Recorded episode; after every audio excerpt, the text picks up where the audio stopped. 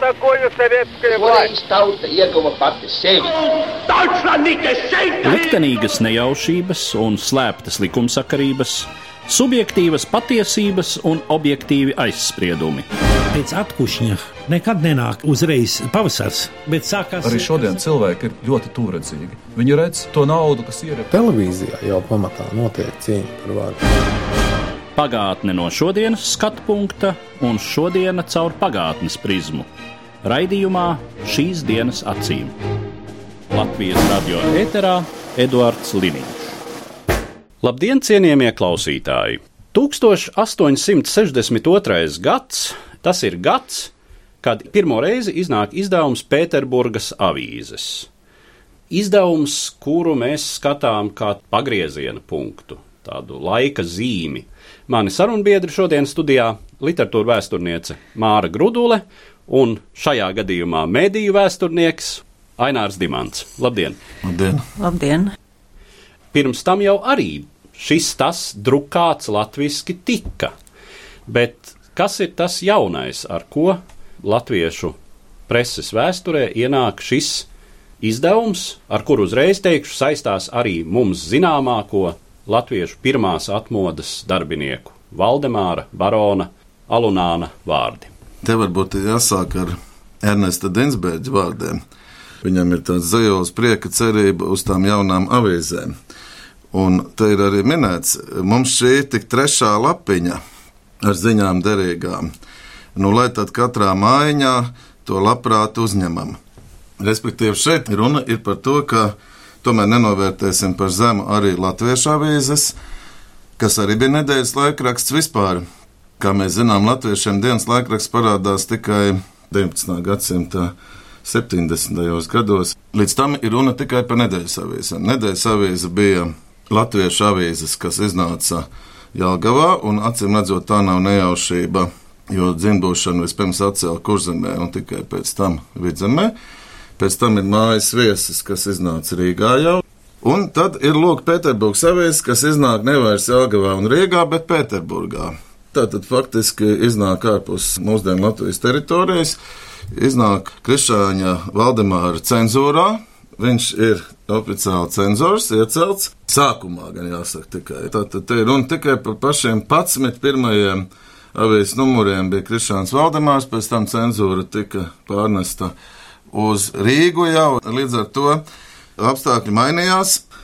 Un avīzē ir arī apstiprināta programma. Te arī jāatcerās, ka pirmo reizi preses brīvība Latvijā parādās tikai 1917. gada februārī, kad pēc februāra revolūcijas tiek atcelta cenzūra. Līdz tam ir šī cenzūra, un viens no cenzūras elementiem ir tieši avīzes programmas apstiprināšana iekšlietu ministrijā. Tā tad bija noteikta avīzes programma, kur bija tieši arī uzsvērts, ka avīze ir domāta zemniekiem. Un vēlāk par to tieši arī bija strīds starp ģenerālu gubernatoru un avīzes izdevējiem, vai tas avīzes saturs nav pārāk nopietns tieši domājot par zemnieku vajadzībām. No preses vēstures viedokļa ļoti būtiski arī tas, ka šī avīze pēc tirāžas, pēc metiena apsteidz uzreiz latviešu avīzes, kas arī izraisa satraukumu. Un visā savā pastāvēšanas laikā, kaut arī tas metiens beigu galā kritas. Tomēr pārdotā tirāža ir ievērojami lielāka nekā latviešu avīzēm. Un tas man šķiet ļoti būtiski, jo mēdījis nekad nepastāv bez auditorijas. Šeit, protams, tā auditorija nu, nav tik liela kā mūsdienās. Te ir runa par 4, 5 tūkstošiem maksimums eksemplāru. Tas ir jāņem vērā. Un avīze tika izplatīta galvenokārt, protams, kurzemes un vidzemes gubēņās, arī latgalē mazāk, kaut arī tas Pamatojums, kāpēc avīze iznāk Pēterburgā, bija tieši tas, ka aptvert visus latviešus, ne tikai tos, kas dzīvo Baltijas gubeņās, kā toreiz teica, un Latgala nebija Vitebskas gubeņā atrastamies šajā lokā, bet arī tos, kas citur Krievijā. Tas bija tas pamatojums, kāpēc avīzei jāiznāk ir Pēterburgā, un savukārt ģenerālgubernators Līvens uzstāja, ka tomēr lielākā daļa latviešu dzīvo viņa pārziņā, un tāpēc cenzūrā ir jāatrodas tomēr šeit, Rīgā, ko es arī savā tādā nelielā rakstā jaunatviešu uzskatu par presi. 90. gados esmu tā uzsvērts, ka ļoti moderni skatījās jaunatvieši uz presi. Viņi neuztvēra presi kā propagandas un aģitācijas līdzekli, kā varētu domāt, ka viņi to redz galvenokārt kā instrumentu tautas izglītošanai un audzināšanai, bet šo divu funkciju īstenošanu viņi tomēr pamatā redzēja caur informatīvās funkcijas īstenošanu. Un to jau parāda arī pašu avīzes veidotāju uzstādēm, kas ir publicēti avīzē. Avīze galvenokārt kā informācijas un saziņas līdzeklis. Un avīzes galvenā arī ļoti simpātiski un būtiski ir tātad zemnieku ģimene, kas lasa avīzi. Ar ko atšķirās Pēterburgas avīzes no iepriekšējām, tas ir pirmais tomēr nacionālais laikraksts. Mājas viesiem mēs varam runāt, ka jau nacionālās žurnālistikas aizsākumi, jo šeit sāk skatīt lietas no latviešu nacionālo interešu pozīcijām. Kas latviešu avīzēs tā nebija, mājas viesī tas neizdevās līdz galam, kā mēs zinām, uzgulās lieli kluči, kā teica Alunāns. Un pēc tam pirmais laikraksts latviešu preses vēsturē, kas ir tiešām nacionāls, ir Pēterburgas avīzes un zīmīgi iznāk ārpus Latvijas teritorijas. Runājot par tiem cilvēkiem, kas tad šo pasākumu uzsāka, un sevišķi spilgts tas fakts, ka Krišānam Valdemāram izdodas sākotnēji pat kļūt par cenzoru šim izdevumam.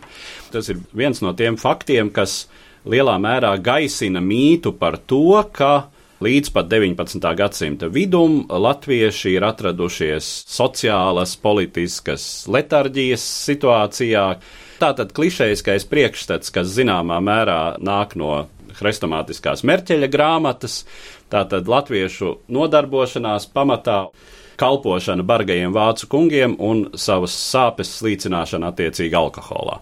Tas, ka jau aizpagājušā gadsimta 60. gados mums ir ļoti konkrēti cilvēki, kas ir gatavi izveidot savam laikam modernu preses izdevumu, un mums ir cilvēks, kuram ir pietiekama ietekme impērijas galvaspilsētā, lai sākotnēji kļūtu par šī izdevuma cenzoru, tas ir diezgan spilgti, un tas daudz ko liecina. Ja mēs runājam jau par 19. gadsimta 60. gadiem, tad var teikt, ka ir jau izveidojusies pirmā latviešu inteliģences paudze, respektīvi tā manuprāt, sāk jau veidoties 30. un 40. gados, kad tika dibināti 39. gads, tātad pirmie skolotāji semināri un tika audzināti profesionāli izglītoti skolotāji, un mēs redzam, ka jau 19. gadsimta vidū lēnā garā, bet aug arī universitāšu studentu skaits. Latvieši dodas uz augstskolām un studē, un var teikt, ka skolotāju semināru un arī universitāšu absolventi ir tie, kas veido Pēterburgas avīžu kodolu. Tas ir Krišjāns Valdemārs, tas ir Juris Alunāns, tas ir Krišjāns Barons, kuram nabagam ir pietrūcis naudas, lai nokārtot pēdējos eksāmenus, un tur mēs redzam arī Jēkabs Vaigsnīti, kas ir savukārt arī skolotāja semināra absolvents.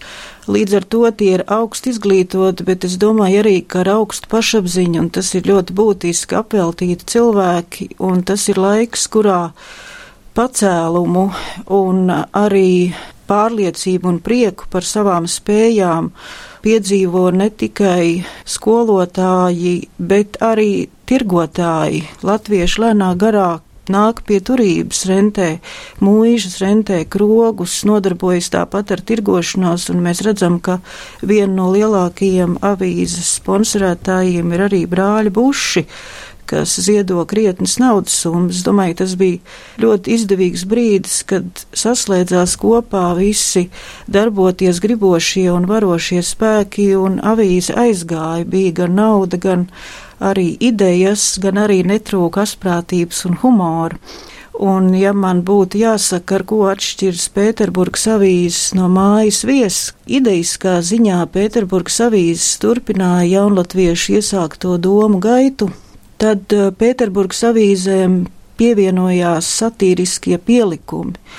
Un man liekas, tas arī ir viens svarīgs brīdis gaisināt varbūt tomēr dzīvojošo uzskatu par latviešiem kā pazemīgiem, skumjiem ļaudīm, un tas ir arī tas, par ko raksta Pēterburgas avīzes, ne tikai asars, ne tikai raudāšana, ne tikai ciešanas, bet arī prieks un līksme prieks savstarpējā domu apmaiņā, prieks idejās, prieks par savu varēšanu ir tas, kas tautai ir nepieciešams. Smiekli, droša runāšana par problēmām, droša runāšana par izglītības trūkumu, par atpalicību, droša runāšana arī par pāri darītājiem un to vilkšanu uz zobu, tātad Baltijas vācu mācītāji un muizniecība galvenokārt ir Pēterburgas avīžu satīras mērķis, un es domāju, ka tas arī ir tas moments, kas būtu jānovērtē. Tās ir avīzes, kas audzina latviešu tautu no zemnieku par tautu, un tās ir avīzes, kas audzina pašapzinīgu drošu, domājošu un arī asprātīgu Latviju. Jā, un tieši jāsaka, satiriskais pielikums arī visvairāk ciet uzreiz no pieaugušajiem cenzūras spaidiem. Tikko tā cenzūra pārcēlās uz Rīgu, tā ciet arī satiriskais pielikums dzirksteli. Runājot par šo cenzūru, ar prieku varētu teikt, jau viena apzinīga paudze varētu būt izaugusi, kuri nekad nav turējuši rokā, ja vien nav gājuši uz bibliotekām vai bēniņos, kur atraduši cenzētu preses izdevumu. Man atmiņā, piemēram, ir viens no pēdējiem, varbūt, cenzūras gadījumiem. Es atceros, ko man stāstīja, ka 80. gadu otrajā pusē savukārt jauna ieinteresēta un uz latviešu tautas trešo atmodu tendēta jaunu literātu paudze ieradās toreiz Latvijas kompartijas centrāla komitejā apstiprināt arī droši vien tā varētu to saukt programmu žurnālam avots. Mhm. Un tad viņiem teica tā, nekādus emigrantus, nekādu samizdatu, neko par Černobiļu. Visu pārējo drīkstat. Nu, tas ir ļoti līdzīgi, acīm redzot. Jā. Jā, varbūt to līdzību mēs varētu tā konkrētāk jā, kas, ieskicēt. Jā, vēl tā līdzība, bet par to ir rakstījis profesors Strots. Atgādinājis, ka vajag paskatīties padomu laika grāmatu beigās, tur ir tie cenzūras burti, eh, attiecīgs ciparkods arī. Tas ir apliecinājums, ka cenzors ir devis savu svētību šai grāmatai. Un jāsaka, carlaikā savukārt bija tas uzraksts cenzūrai un dazvoļenai. Tas vien jau tāds arī vizuāli apliecinājums, ka avīze ir gājusi cauri cenzūrai. Un tajā laikā bija arī tas ir eh, profesors Zelčs grāmatā labi parādīts. Tas pats satiriskais pielikums eh, dzirksteli, kad cenzūra pārceļās uz Rīgu, iznāk arī ar melnām rindām. Tās ir tās rindas, ko cenzūra ir dzēsusi, bet tās nav izņemtas ārā, bet palikušas šīs melnās strīpas. Atmodas laiku arī, kad atceramies skolotāja avīze padomu jaunatni, Latvijas jaunatni varbūt jau bija, arī jau iznāca un arī atmoda dažkārt ar tām šķērēm, kur galvenā literatūras pārvalde bija izņēmusi ārā tekstus, tad avīzes redakcija atļāvās parādīt, ka šeit vajadzēja kaut kam būt. Kas tad īsti bija tas, kas satrauca Baltijas politisko konjunktūru, kas tobrīd lielā mērā ir joprojām Vācu baltiešu Kas viņiem šķiet tas zemniekam nepiemērotais? No vienas puses ir jāuzsver, ka dzimbošanas atcelšana tiešām notika lielā mērā Napoleona karu rezultātā. Tad, kad Prūsijā sākās reformas, kad Prūsijā atcēla dzimbūšanu, tad arī Baltijas provincēs drīz vien atcēla dzimbūšanu, un tā notika pēc eh, Lantāgu lēmuma, protams, ar cara ukazu. Te nevajag arī to Vācu-Baltiešu lomu pārāk zemu novērtēt, jo šī dzimbūšanas atcelšana notika daudz agrāk nekā Latgalē tajā pašā un visā pārējā Krievijas impērijā. Un es jau minēju arī laika starpību, kas, starp citu, joprojām iezīmēs mūsu attīstībā, ka vispirms zimbošana atcēla Ziemeļgaunijā 15. gadā. Tad 17. gadā, es runāju par 19. gadsimtu, protams, kurzemē, un tikai pēc tam nāca vidzeme, kas ietver gan arī Dienvidigauniju ar Tartu, kas arī bija zem Rīgas, kā mēs zinām, vidzemes guberņā 1819. gadā. Un mēs redzam, ka tur ir tomēr divi gadi. Tiem ir arī nozīme attīstībā, un mēs redzam, ka lielākā daļa jaunatviešu, vismaz vadītāju, ir kurzemnieki.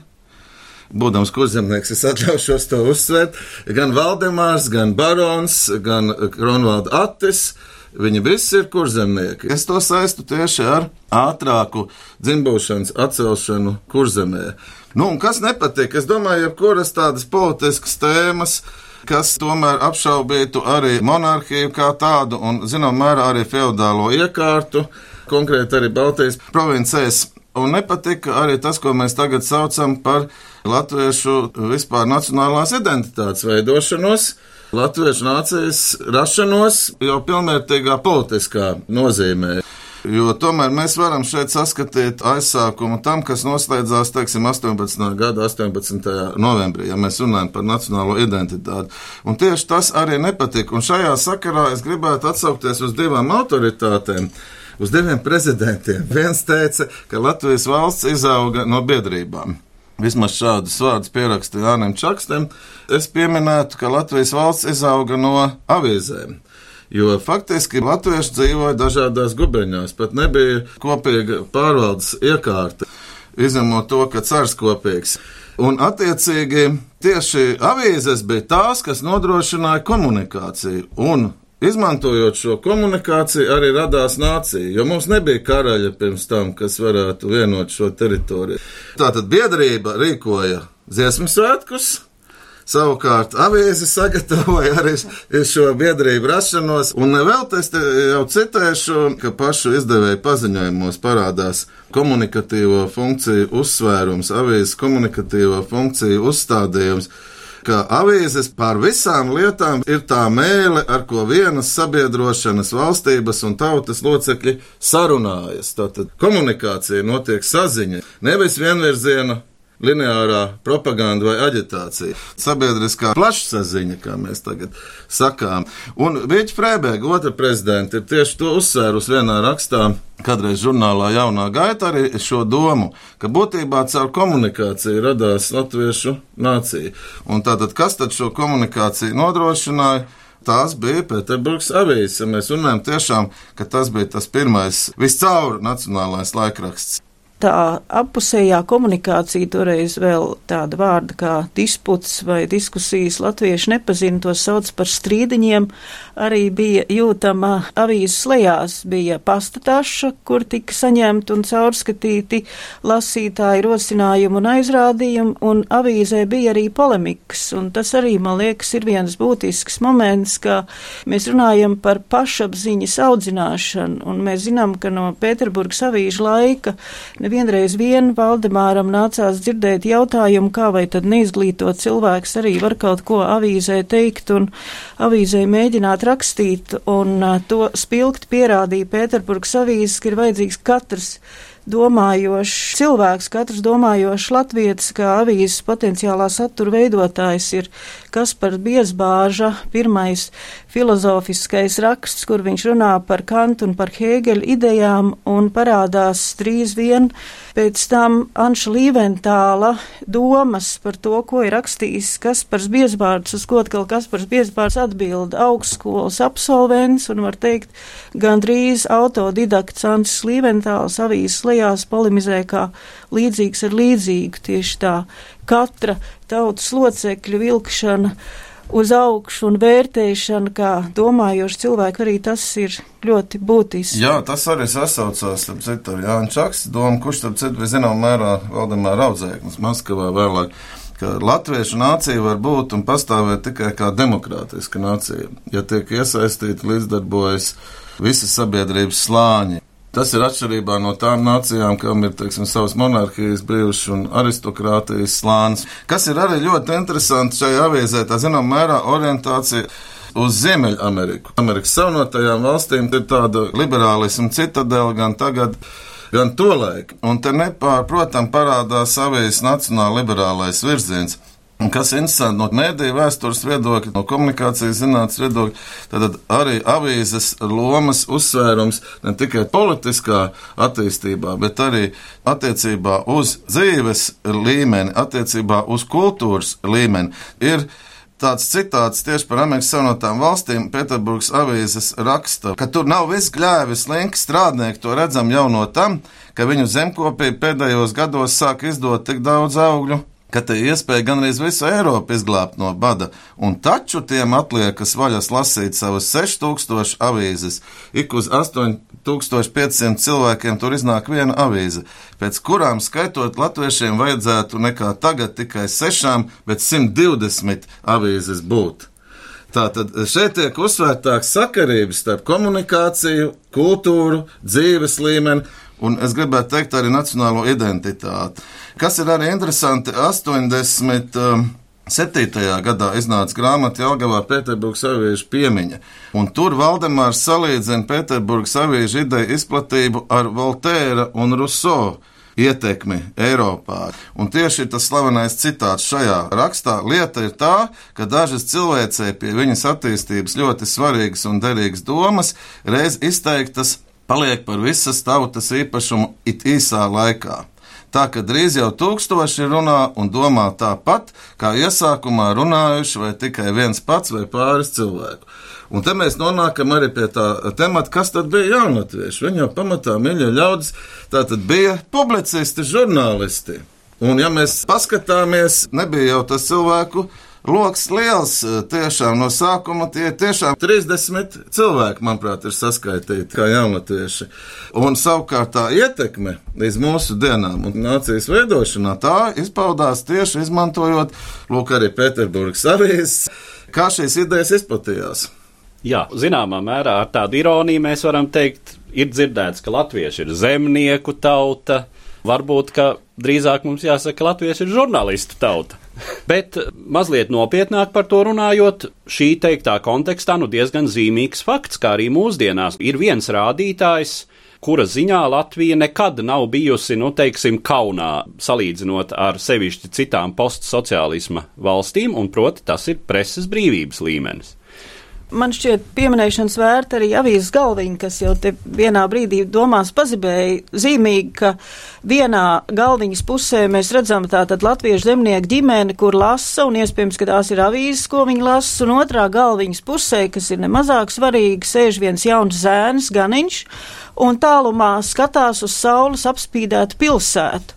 Zemnieku tauta, bet tai pašā laikā arī urbānā vide, tas ir arī viens būtisks moments, kam pievērš uzmanību Pēterburgas avīzes, kā vieta, kur iespējai garīgi attīstīties, plaukt un domāt par savu izglītību un arī par savu tautu pilsēta kā kultūras, arī politikas centrs, un ja mēs pārskatām Pēterburgas avīžu ilustrācijas, un tas ir uzkrītoši, tad tajās tiek rādīti dažādi Eiropas moderno pilsētu centri, modernas ēkas, muzeji, universitātes, parlamenta ēkas, tas ir tas, uz ko būtu arī jātiec latviešiem, kur būtu viņa vieta, un kas būtu arī vieta varbūt tautas attīstībai un uzplaukumam kopumā. Latvietis zemnieks, turīgs, izglītots zemnieks, latvietis savā tobrīd eh, Baltijas guberņā, bet arī latvietis, kas zina to, kas notiek pasaulē, kas notiek citos kontinentos un jūt sevi līdz ar to arī kā pasaules daļu. Tas jau arī ir minēts avīzes definīcijā, ko sniedz Pēterburgas avīžu izdevēja. Pilnīgas avīzes ir visas pasaules laiku grāmata. Viņās tiek visi vērā liekami notikumi uzrakstīti. Tātad visas pasaules šeit bija arī doma, tātad, un tas ir arī avīzes programmā, ka ne tikai par Baltijas provincēm, guberņām rakstīt par Krievijas impēriju, bet par visu pasauli, kā jau mēs redzējām, arī par Ziemeļameriku, piemēram. Un šeit arī slavenais citāts, kas attiecās uz to mazo ganeņu, un tas sasaucās ar domu, ko jau iepriekš mēs runājām, ka visi tautas locekļi ir jāiesaist un jāattīsta. Proti, ko Valdemārs raksta, jo mazāka ir kāda tauta pēc skaitļa, jo vairāk par to jāgādā, ka visi ar gara spēkiem apdāvinātie locekļi tiek attīstīti. Lūk, tas ir tas demokrātisms un liberālisms, ko tagad viens otrs nepelnīt arī apsaukā, bet tieši jaunaties bija nacionāli liberāļi, nepārprotami. Runājot par konkrēto žurnālistu darbu, Mēs jau te piesaucam tātad ziņas no visas pasaules, kur smēlās informācija. Kā toreiz vispār funkcionēja mēdī šīs informācijas aprit ziņā? Es saprotu, preses aģentūras to brīdi vēl īsti nebija tapušas. Jā, nu, katrā ziņā šajos pirmajos latviešu laikrakstos, acīm redzot, un to var arī redzēt, tika izmantoti lielo tautu laikraksti, dienas laikraksti. Šeit bija runa mums par nedēļas avīzēm. Tā kā bija iespējams informāciju apkopot, savākt arī no citiem izdevumiem, Krievu, Vācu valodā. Un, protams, kas bija ļoti būtiski, bija arī korespondenti, kas piegādāja informāciju arī no vietām. Toreiz bija, protams, telegrāfa aģentūru attīstības sākums. Pēterburgā jau varēja būt šāda telegrāfa aģentūra. Pieminot to telegrāfu, arī interesanti tas ir jaunvārds latviešiem, svešs vārds, kas ir jāskaidro un kas ir jāpopularizē, un jaunatvieši arī prasmīgi to apspēlē kā telegrāvi. Tad, kad uh, cenzūra tiek pārcelt uz Rīgu, tad arī viņi smejas par to, ka ziņas laikam ir rāpojušas pa grāviem, kamēr nokļuvušas līdz cenzoram un atkal atpakaļ. Informācijas ceļš caur cenzūru ir daudz garāks nekā iepriekš, kad Valdemārs pats Pēterburgā cenzēja avīzes. Runājot arī par informāciju kopumā, kāda tur parādās, interesanti ir tas, ka patiešām ziņa vairāk ir no pasaules un no Krievijas nekā varbūt precīzas informācijas par aktuāliem notikumiem Baltijā. Ir, protams, skats uz poļu dumpi un viedoklis par poļu dumpja gaitu kurzemē tuvējās teritorijās, bet eh, tādas informācijas sīkākas par kultūras notikumiem, kā varbūt mājas viesī bija, nav, un te mēs arī jūtam tā laika tomēr salīdzinājumā ar mūsdienām lēnāko ziņu apriti. Nu jā, te jāsaprot kaut vai tas, ka lidmašīna jau nebija. Tas ir kā tāds elementārs fakts, bet tas jau nozīmē, ka viss tā tirāža bija jāatved no Pēterburgas un jāizplata šeit. Kā tur bija Un- vilcienu līnija, laikam arī tikai ap to laiku pirmā līnija. Runājot par to ceļu, Krišjāns Barons raksta atmiņās par Pēterburgas avīžu laiku, ka viņš ir braucis no Rīgas uz Daugavpili pa dzelzceļu un pēc tam tālāk uz Pēterburgu ceļojis pa dzelzceļu.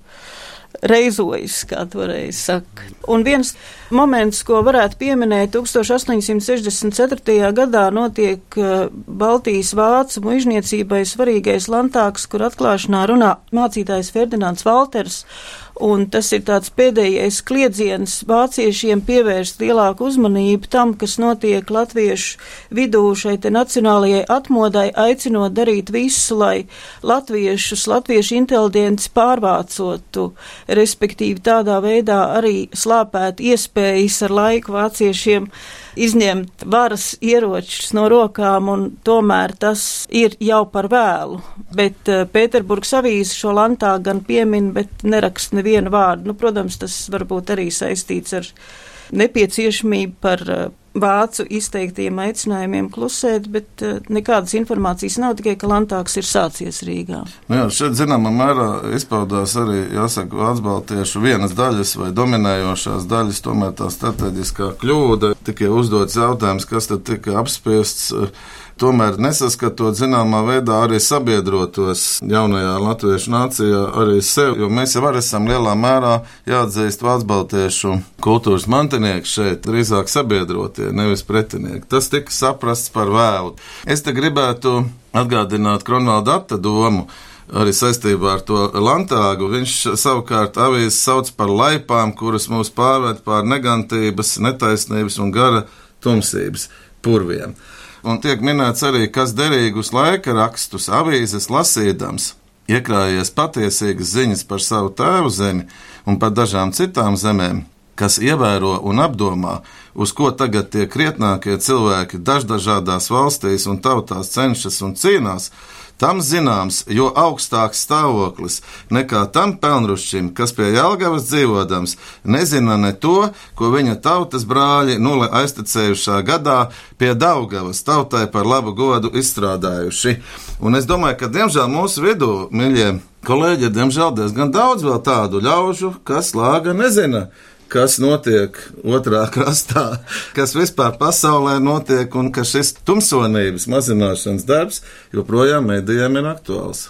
Droši vien tas būtu tāds skaists noslēguma secinājums, runājot par Pēterburgas avīzēm, un tad varbūt mums atliek vien teikt dažus vārdus par to, kāpēc šis Pēterburgas avīžu dzīves cikls bija gan spilgts, bet tomēr salīdzinoši īss.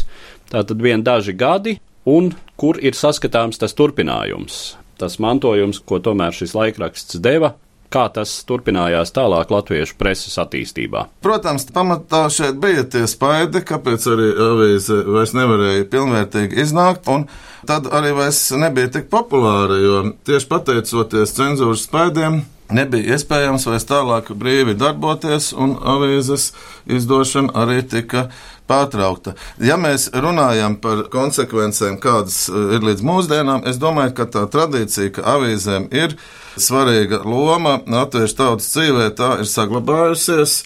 Nevelti bija tāda avīze atmoda, ko Tautas fronte izdeva. Arī mūsdienās, ja mēs runājam par politiskās gribas veidošanos, tad baidos, ka tā neveidojas interneta ziņu portālos, bet uh, veidojas nopietnākos arī interneta mēdījos un veidojas tomēr arī lielā mērā drukātajos mēdījos. Es runājot par mēdījiem, vienmēr arī saprotu, ka mēdījis ir tikai tad, kad tam ir auditorija un kad ir tiešām arī tā divirziena komunikācija. Un mēdījiem joprojām ir centrālā loma, ja mēs runājam pēc Jurgena Habermāsa kopīgas publiskās sfēras, kā demokrātijas priekšnosacījuma veidošanā. Un faktiski Pēterburgas avīze tieši to arī darīja, veidoja šo kopīgo latviešu publisko sfēru kas bija priekšnosacījums arī, lai latviešu nācija tādā politiskā nozīmē varētu izveidoties. Ar tādiem secinājumiem mēs arī varam noslēgt šodienas sarunu, kas bija veltīta Pēterburgas avīzēm, kopš kuru iznākšanas ir pagājuši 150 gadi, un es saku paldies maniem sarunbiedriem, literatūra vēsturniecei Mārai Grudulei un mēdīju vēsturniekam Aināram Dimantam. Paldies! Par pagātni sarunājas Eduards Līniju.